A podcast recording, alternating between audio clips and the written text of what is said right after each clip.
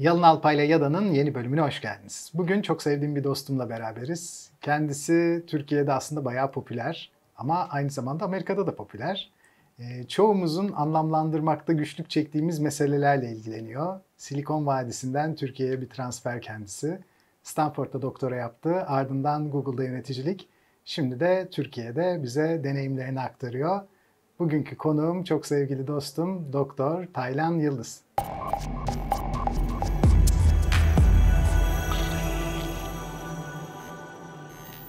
Taylan hoş geldin. hoş bulduk, hoş bulduk. yani senin çok fazla niteliğin var. Tabii anca bu kadarı bir girişte söylenebiliyor. Ama en azından çok kaba da olsa bir fikir verecektir ki zaten seni çok bildiğin gibi tanıyor. Harika bir gönüllüler ordunda var. bayağı bir ardında var. Etki gücün çok yüksek. Bayağı bir şeyi değiştirdin ki çok kısa süre içinde. Bugün sana bize sürreel gelen, bize böyle çok uzaklardan sesi yankılanan içini hep merak ettiğimiz ama bütün ürünlerini kullandığımız bazı meseleler üzerine bilmediklerimizi soracağız, danışacağız. Bu Silikon Vadisi ile başlayalım. Bu Silikon Vadisi Türkiye'de böyle kuantum gibi bir şey. Kuantumu her yerde kullanıyoruz. Ne anlama geldiğini bilmiyoruz. Evet. Silikon Vadisi de böyle. Ne anlama geldiğini bilmiyoruz ama her yerde kullanıyoruz. Bu Silikon Vadisi hakikaten nedir Allah aşkına? Valla Silikon Vadisi ben ilk Silikon Vadisi'ne gitmeden şöyle bir şey hayal etmiştim. Hani Amerika'da Times Square meydanı vardır. İşte orada gökdelenler var. Sağda Google, solda Intel böyle bir yoldan gidiyorsun. Hepsi ışıklı ışıklı tabelalar var zannetmiştim ben gitmeden. O zamanlar internet falan da yok. Sonra bir bir gittim. Hiç öyle bir şey yok. İki katlı apartmanlar. Sağda kuşlar, çiçekler, böcekler. Hepsi birbirinden 20-30 kilometre uzakta. Yani herhangi bir Amerikan kasabasından farkı yok. Peki Silikon Vadisi, Silikon Vadisi yapan şey ne? Onu yapan şey oradaki aslında bir sistem. Oradaki sistem niye çok önemli? Çünkü orada Stanford gibi gerçekten dünyanın en önemli beyinlerinin gittiği bir okul var. O okul yetiştirdiği öğrencilerini özel sektöre daha sonra transfer eden bir e, teşvik yapısı sunmuş ki oradaki hocalar da şirketlerin ortağı olabiliyor. Aynı zamanda öğrencilerin de girişimcilik yapabilmesi için her türlü fırsatlar sunmuş durumda. Bir bu var. İkincisi yatırımcılar var. Yatırımcılar dediğinizde sizin bir fikriniz varsa bu fikri gerçekleştirebilmek için e, hayata geçirebilmek için her türlü fırsatı sunan, onunla ilgili kapitali sunan insanlar topluluyor. Ama tabii ki bu normalde e, hani A kişisinin size para vermesi gibi değil. Çünkü orada gerçekten bir know-how veriyor size. Yani bir işi yap, yaparken o işi nasıl yapacağınızla ilintili size tavsiyelerde bulunuyor. Network'ünü size açıyor. Şirket daha sonra başkasına satılacaksa biraz sonra anlatırız nasıl olduğunu. Onun ona vesile oluyor. Böyle bir yatırımcı kültürü var. Tabii bir de dünyanın her yerinden gelen mühendisler var. Yani insan kaynağı var. Sizin bir fikriniz varsa bunu örneğin Stanford'da geliştirdiyseniz, hocanız da buna çok fazla faydalı olduysa e, parayı da buluyorsunuz. Yan sokakta da para var. Ama bunu yapabileceğinizde mühendisler var. Dünyanın en iyi öğrencileri de orada. Yani burada aslında Silikon Vadisi dediğiniz şey bir bina değil, bir anlayış ve bir network bütünü. Hatta e, çok sevdiğim bir e, yatırımcı var Paul Graham diye belki sen de bilirsin. Şimdi Paul Graham hani şöyle bir şey diyor yani dünyadaki değerlerle ilintili konuşuyor. Diyor ki bir yerde diyor oturduğunuz zaman kahve içtiğiniz zaman arka masada ne konuşuluyorsa oradaki fısıltılardan ne öğreniyorsanız diyor aslında oranın değerler bütünü, değerler manzumesi odur diyor. Hmm. Silikon Vadisi'nde herkes dünyayı değiştirmeye çalışıyor. Dünyayı değiştirmeye çalıştığı için de zaten orada toplum hiyerarşisindeki en üstteki insanlar bir şey yapıp da topluma belki milyon kişiye belki milyar kişiye ulaşabilmiş insanlar en önemli insanlar. Bakın en zengin demedim farkındaysanız. Evet. Toplumda en çok dünyada etki yapabilmiş insanlar orada hiyerarşide en üst sırada. Ve siz bu insanları böyle e, parmak arası terlikle de yolda görebilirsiniz. Hep beraber e, pazar alışverişini yaptığınızda da onlar karılarıyla kocalarıyla geldiğini görebilirsiniz. Şimdi böyle bir e, durum var. E mesela Los Angeles'ta böyle bir şey yok. Orada ne kadar ünlüyseniz o kadar toplumun üst tarafındasınız. New York'ta ne kadar paranız varsa o kadar önemlisiniz ki o paranız babaannenizden miras da kalmış olabilir. Sizin kazanmış olmanıza da gerek yok. Şimdi böyle bir durum var. E, Boston'a bakalım. Senin de çok iyi bildiğin Harvard, MIT'ye evet, bakalım. Orada da ne kadar entelektüel olarak bir e, makale yazdığın kaç tane referans aldı. Yani Harvard'daki bir hocaya dünyayı değiştirmedin mi diye kimse sormaz. Öyle bir şey beklemez. Toplumda da o sizi üst tarafa çıkarmaz. Ya bugün bakın mesela Mark Zuckerberg Harvard'dan niye Stanford'a sonra yani Stanford'a derken niye Silikon Vadisi'ne geçiyor? Geçmek zorunda.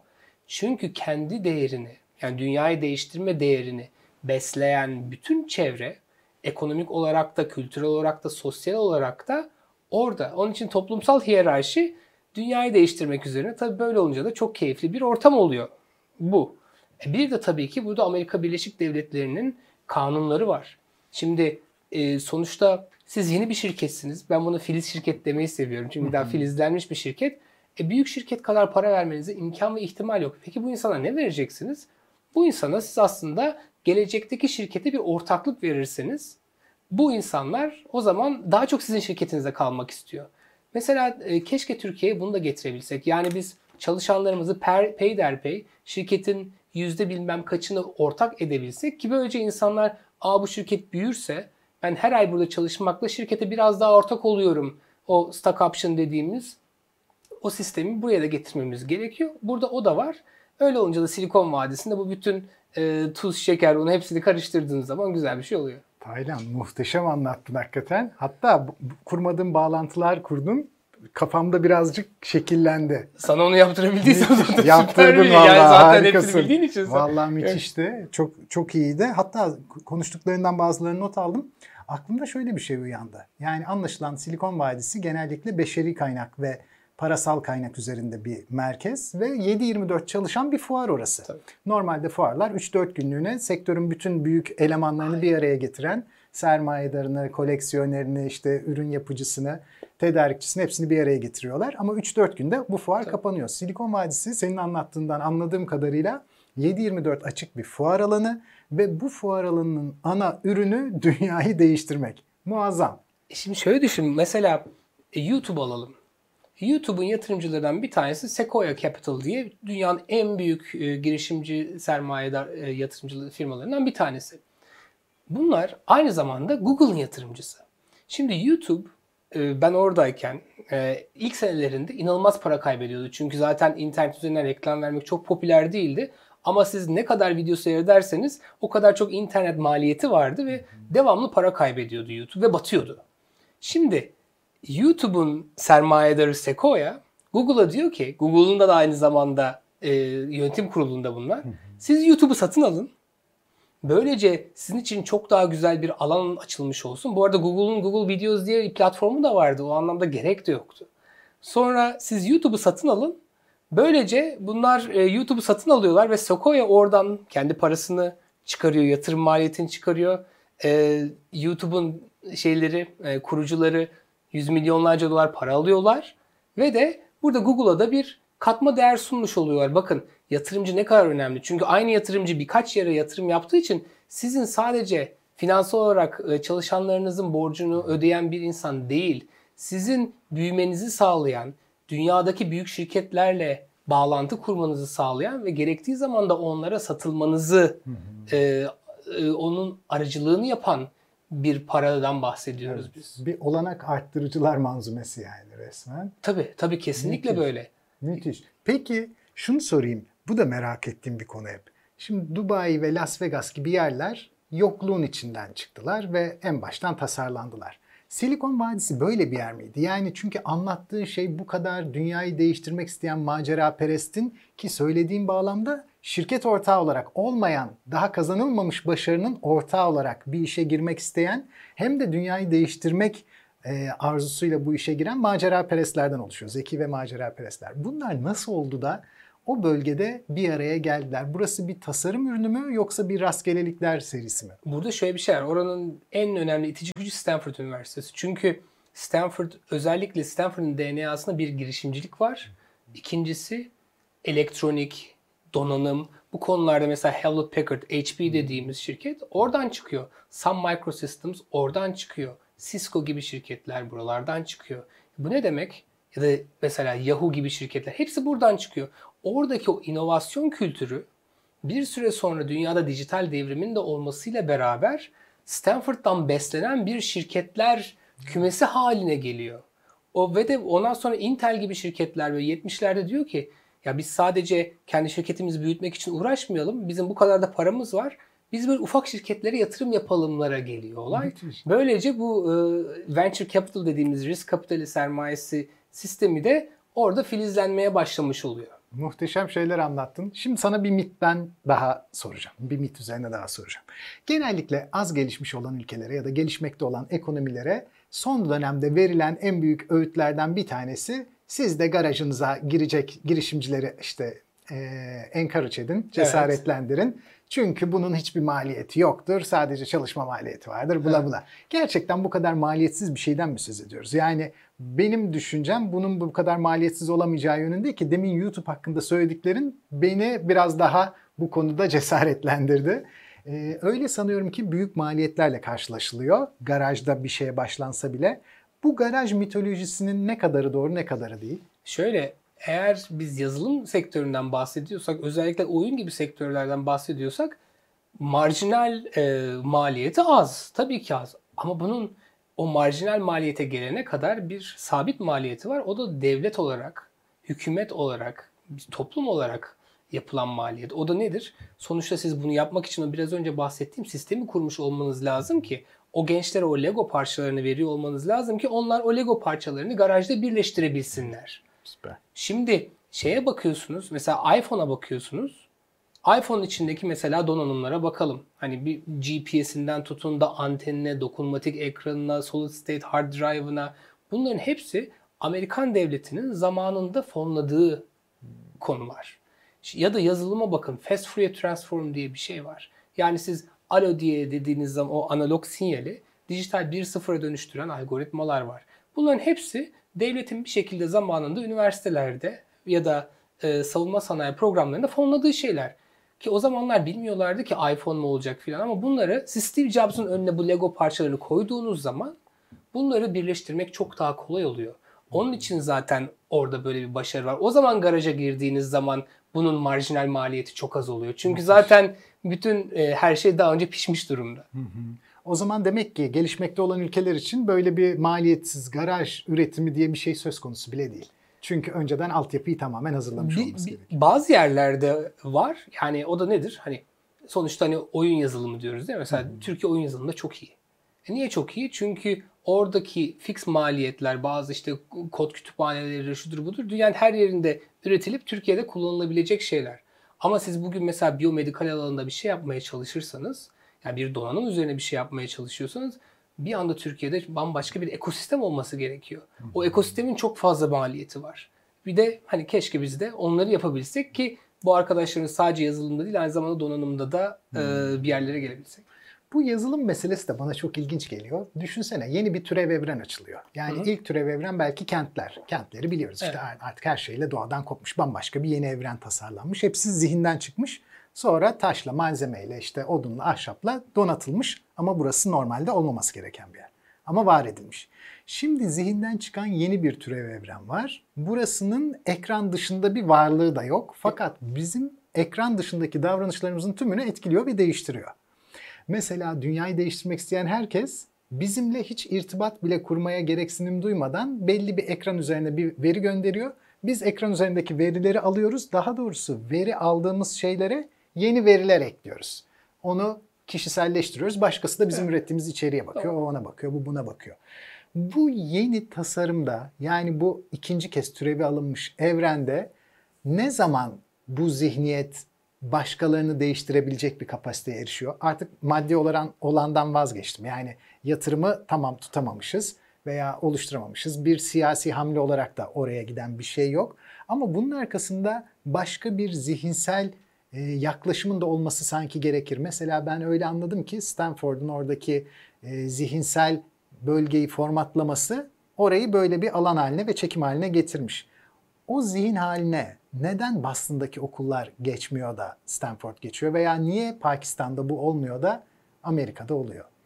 E, şimdi onun hani birçok sebebi var ama orada bence en önemli sebebi gerçekten oradaki sizin o topluluğun değer sisteminde neyi öncelediği, neyi öncelemediği. Çünkü eğer siz toplumu orada dediğiniz zaman bakın inovasyon yapın. Ne olursa olsun inovasyon yapın ve bu siz bunu yaptığınız zaman bir kafeye gittiğiniz zaman birisi gördüğünüz zaman aa helal olsun diyecek dediğiniz zaman insanlar bunu yapıyor. Bakın e, çok basit bir şey söyleyeyim. Wall Street ile ilgili çok güzel bir araştırma var. Diyorlar ki ya diyorlar bak sen bu kadar işte milyon dolar kazandın eyvallah. Ekstra 100 bin dolar daha mı verelim sana bu yıl bonus olarak? Yoksa bu yılın en iyi çalışanı olarak seni söyleyelim ve de sana güzel bir otopark verelim o gün. Ondan sonra senin patronla birlikte git bir yerlerde güzel bir yemek ye. Birçok insan, birçok yatırımcı güzel yemek yemeyi istiyor.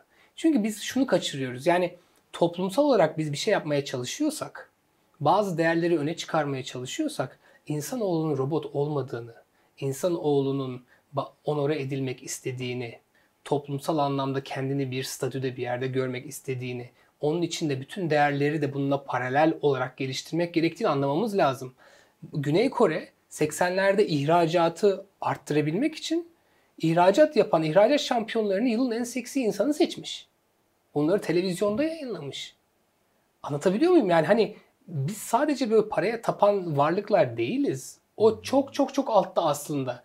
Onun için biz Türkiye'mizde de bunu yapmak için girişimciliği gerçekten e, toplumda çok daha üst sıraları bir yere koymamız lazım. Yani çok basit bir şey söyleyeyim. Biz mesela e, yurt dışından kim gelirse omuzlar alıp karşılıyoruz. Ya topçu ya popçu. Evet. Çok ara yani. Şimdi yurt dışından gelen birçok orada çok iyi girişimcilik yapmış arkadaşımız var. Temel bilimlerde orada dünya ünlü ödüller almış insanımız var. Gelirken onlar biz böyle bir çiçekle karşılasak desek ki ya bakın Türkiye'ye geldiniz Allah razı olsun. Buzdolabınız da boştur şimdi. Biz şey yapacağız. Gelin şimdi sizi çok güzel bir restorana gö- götürelim. Çok sağ olun. Şeref verdiniz desek ne kadar güzel olur. Yani o onore edilmek bence bambaşka bir şey ve onu parayla karşılığı yok. Peki Taylan şöyle bir tabii genel bir tehdit algısı da var insanlarda. Madem biz bu türev evrenlerin içindeyiz ve hı hı. buraya kendimizde her türlü bilgimizi gönüllü olarak yazıyoruz. Evet. Kendimizle ilgili alışverişimiz orada, baktığımız siteler orada, okuduğumuz, sipariş ettiğimiz kitap her şey orada var. Ve bunların izlenebildiğini de biliyoruz. Tabii. Böyle bir durumda sürekli gözetim altında kaldığımızı da bir şekilde hissediyoruz. Yeni bir gözetim evren, evrenin içerisine bırakılmış gibiyiz. Peki bu gözetim evrenine böyle düşünmemize rağmen hala tabii destekte veriyoruz ve Hı. bu evren şehirlerin akıllanmasıyla beraber donanımsal olarak da kendisini gösteriyor. Doğru. Artık ekranın dışına da çıkıyor. Bu akıllı kentlerde biz nasıl bir kentle karşılaşacağız? Ya şöyle bir öncelikle şeyden bahsedelim. Doğru, e, daha fazla veri üretiyoruz ve bu veri bize daha fazla hizmet olarak ve hayatımızı kolaylaştıran e, bir manzumeler dizisi olarak bizim karşımıza çıkıyor. Tabi orada ne oluyor? Biz sonuçta insanlara kendi e, dikkatimizi satıyoruz bir nevi, kiralıyoruz. Ondan sonra o dikkatimizi de aslında daha sonra o dikkatimizi verdiğimiz şeyi satın alma ihtimalimizi aslında biz o insanlara satıyoruz. Yani benim sonuçta hayatım Google'da bu işleri hesaplayarak geçti. O ekosistem tamamen bu alışveriş üzerine oluyor. Ama şunu görüyorsunuz ki orada bir kazan kazan durumu söz konusu. Hı hı. Çünkü e, biz e, herhangi bir navigasyon sistemi kullanıp A'dan B'ye ücretsiz olarak gittiğimiz zaman oradaki bazı veriler de daha sonra hedefleme olarak belki bize geri dönüyor. Sonra belki de o bizim normalde almak ihtiyacımız olmayan herhangi bir şey almamızı sağlıyor. Ama işte dediğim gibi yani insanlar e, şu an en azından bu e, pazarlıkta daha çok veri verip daha çok ücretsiz hizmet almayı seçmiş durumda. Şimdi akıllı kentlere geldiğimiz zaman tabii şöyle bir durum var. Şimdi akıllı kentin zıttı ne? Aptal kent. Yani hani e, nesi aptaldı nesi akıllıya geleceğiz. O da çok basit aslında. Şimdi siz şehirde ne olduğunu bilirseniz yani sokakta çöp mü var, otopark dolu mu, boş mu, trafik nedir, hava durumu nedir, şu cadde kirli mi, ses kirliliği var mı, kuşların göç yolundan geçiyor mu, geçmiyor mu? Hani bunları bilirseniz daha iyi yönetirsiniz. Akıllı kent hani ben böyle söylediğim zaman bazen şey diyorlar. Ya Tayan abi Türkiye'de yani şimdi jetgiller gibi mi olacak? Yani neden bahsediyorsun sen diyor. Ben de diyorum ki hayır. Yani öncelikle sokakta nereden ne araç geçtiğini bilelim. Ondan sonra gelip o, o araçların hangi sokağı hafta sonu kapatabiliriz mesela ki trafiği zedelemeden o insanlara daha güzel bir yürüyüş, yaşam alanı açarız. Bunların hepsini yapmak mümkün. Bunların hepsini de o sensörlerden İstanbul'un mesela verilerini toplayıp o verilerle bir e, planlama yapmak diyelim. Ve de bunun en kolayı da genelde trafikli oluyor. Çünkü çok fazla maliyet e, yaratmadan Diyorsunuz ki şuraya ekstradan bir feribot koy. Şuraya ekstradan bir otobüs koy. Şu caddeyi bugün 3 şerit değil de 2 şerit yap. Karşısını 4 şerit yap. Bunları matematiksel olarak yapabiliyorsunuz. Onun için de bayağı bir matematik, bayağı bir veri lazım. O da e, İstanbulluların ve daha sonra diğer vatandaşlarımız hayatını kolaylaştıracak şeyler. Senin böyle bir alanda da bir girişimin var. Genellikle İstanbul'un verileri toplanmasına rağmen bir işleme tabi tutulmuyor. Senin Stanford'la kurduğun bağlantı sayesinde sanırım oradaki doktor öğrencileri ve akademisyenler İstanbul'un verilerini işlemeye başladılar. Da- daha başlamadılar ama inşallah olacak yani en azından vizyon o. Bunu e, konuştuk Stanford'la. Kendileri de bu konuda çok heyecanlandılar. Ha, şimdi o konuyu ilerletmeye çalışıyoruz. Yani hani kesin bir şey yok ama bence inanılmaz güzel bir şey. Çünkü e, bakın hani İstanbul'da birçok böyle veri var ve de son birkaç yılda e, bilgi işlem daire başkanı vesaire inanılmaz güzel işlere e, vesile oldular. Bunların hepsini birleştirerek ve anonim bir biçimde paketleyerek diyelim. Ve bizim bunu hem Türkiye'deki girişimcilere hem Türkiye'deki iştirak şirketlerinde hem de uluslararası anlamda da akademisyenlere açarsak birçok inovasyon olacağına ben eminim ve de e, biz bunu yapabilecek güçteyiz. Müthişti. Sana bir son senin ilgi alanınla ilgili bir şey danışacağım yine. Yine bizim için böyle biraz muğlaklığını koruyan bir şey. Yıllar önce bir Arap e, bakan demişti ki e, taş devri taşlar sona erdiği için bitmedi. Petrol de petrol sona erdiği için sona ermeyecek. Ondan çok daha önce yok olacak, bitecek bu devir demişti. Elektrikli arabalar bunun için önemli Evet. işte e, adımlardan bir tanesi. Senin bu konuyla özel olarak ilgilendiğini biliyorum. Türkiye'de de birazcık hibrit bağlamında belki biraz giriş oldu. Tam elektrikli arabası olan bir iki tanıdığım da var. E, Profesör Doktor Emre Erkin buradan çok selamlar. O da birkaç yıldır elektrikli araba kullanıyor. Sence bu yeni yapı Türkiye'ye şimdilik uyumlu mu ya da nasıl uyum sağlayabiliriz? Şu an uyumlu değil çünkü yeterince e, şarj yok verebileceği, yapabileceğimiz istasyonlar yok. Ama en azından İstanbullulara şöyle bir şey söyleyebilirim ben. E, mesela bizim şu an metro ağımızda yüksek gerilimli, yüksek voltajlı aslında şarj edilebilecek kapasitede bir ağ var. Ve bunu e, şu an %30 kapasiteyle kullanıyormuşuz. Yani ne demek bu? Aslında biz buraya şarj üniteleri koysak metro istasyonlarına ya da onun geçtiği yerlere İstanbul'da çok güzel bir elektrikli araba şarj ağı modeli yapabiliriz demek. Bu bir fırsat. Onun için tabii devlet teşviği lazım, bunların ucuzlatılması lazım, ÖTV'lerin indirilmesi lazım vesaire. Ama e, dünyanın buraya gittiği kesin. Çünkü şöyle bir şey var. E, bu ne derler? E, Top Gear diye bir şey vardı bilirsiniz böyle bir söyleyin adını. e, Araba programı. Orada Top Gear'da e, yandan böyle bir e, Ferrari'di galiba geçerken adam şey diyor. O diyor 20. yüzyılın sesi diyor. yani artık e, şöyle bir şey düşün. Yerin altında işte dinozorlar, kurbağalar falan fosilleşiyor. Onlar böyle petrol oluyorlar. Onu çıkarıyorsunuz. Sonra bir e, silindirin içine koyuyorsunuz. Kibriti çakıyorsunuz. Patlıyor. Patladıktan sonra pistonu döndürüyor vesaire. Yani inanılmaz komplike bir şey.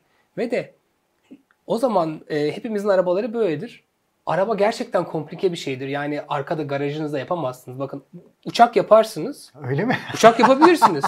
çok rahat. Yani çok basit bir motor koyarsınız. iki tane e, kanat koyarsınız. Uçak yaparsınız. Araba yapamazsınız. Tamam mı? Çünkü araba çok komplike bir donanım ama inanılmaz basitte bir yazılım. Yani bugün arabanızı cep telefonunuzu bağlamayı deneyin. Oradan bir şey seyretmeyi deneyin. Yani arabanın yazılımı çok basit, donanımı çok komplike. Şimdi böyleydi.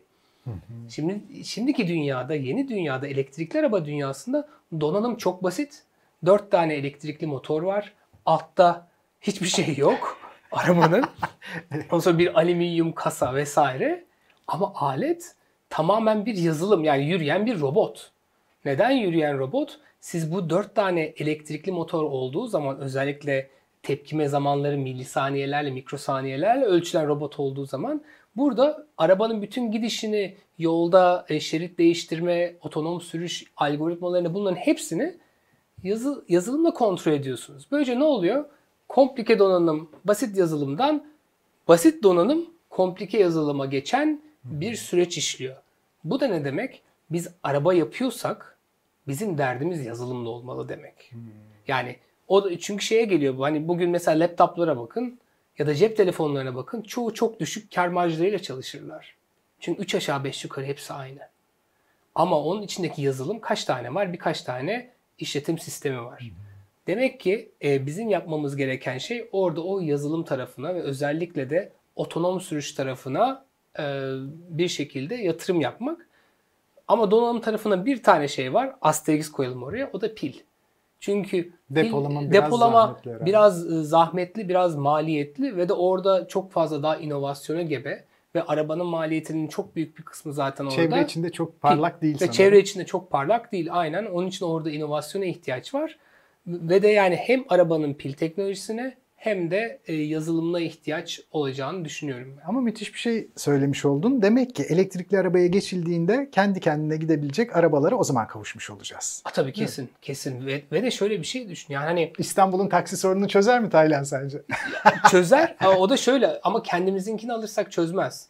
Şimdi günde ortalama bir araba sahibi olan bir insan belki bir saat kullanıyordur o arabayı. Her ortalamayı alırsanız. 23 saat yatıp 1 saat kullanılan bir araçtan bahsediyoruz. Araba satın alınabilen bir şey olmamalı. İsteyen alsın da fazla lüks bir şey o. Sizin onu kiralıyor olmanız lazım. Ve de otonom sürüş olan bir yerde e, araba istediğiniz zaman sizi A noktasına alıp istediğiniz zaman B noktasına getirebilecek bir sistem haline gelmek ki gelecek. Çünkü şu an o kadar verimsiz bir dünyada yaşıyoruz ki yüz binlerce dolarlık kapital ve de her saniye değer yitiriyor. Neden? Çünkü eskiyor. Üzerine toz birikiyor, içinde rulmanlarına bir şey oluyor vesaire. Yani bu da onun için Saklama değişecek. maliyeti, amortisman. Tabii amortisman vesaire. Onun için şimdi bunlar da değişecek ve dünya e, satın alınan değil, saati kiralanan ve otonom sürüş olan e, bir e, modele geçecek ve de orada şeyi göreceğiz. İnsanların araba kullanmakta ne kadar riskli davrandığını ve insanlar da muhtemelen arabayı e, özel böyle pistlerde falan kullanabilecekler. Normalde Haz insanlar kullanamayacak bile. Ya böyle bir dünyaya gidecek olay. Çok güzeldi. Taylan doyamadım sohbetine. Çok güzel bir sohbetti. Süremiz bitti. Vallahi çok üzüldüm. Yani çok ender olan bir program tarzıydı bence. Çok çok güzeldi. Çok aydınlandık. Ee, Bir sürü kurmadığımız bağlantıyı kurmuş olduk. Çoğu şeyi hep kulak dolgunluğuyla biliyorduk ama nedenlerini anlamış olduk. Şimdi o zaman onun üzerine düşünce üretebilir hale geldik. Çok teşekkür ederim tekrar. Ağzına tekrar tekrar sağlık. Bugün Doktor Taylan Yıldız'la beraberdik. Hakikaten böyle özlediğimiz güzel bir program oldu. Umarım bundan sonraki konu ve konukta da bu kadar iyi bir program bizi bekler. Görüşmek üzere.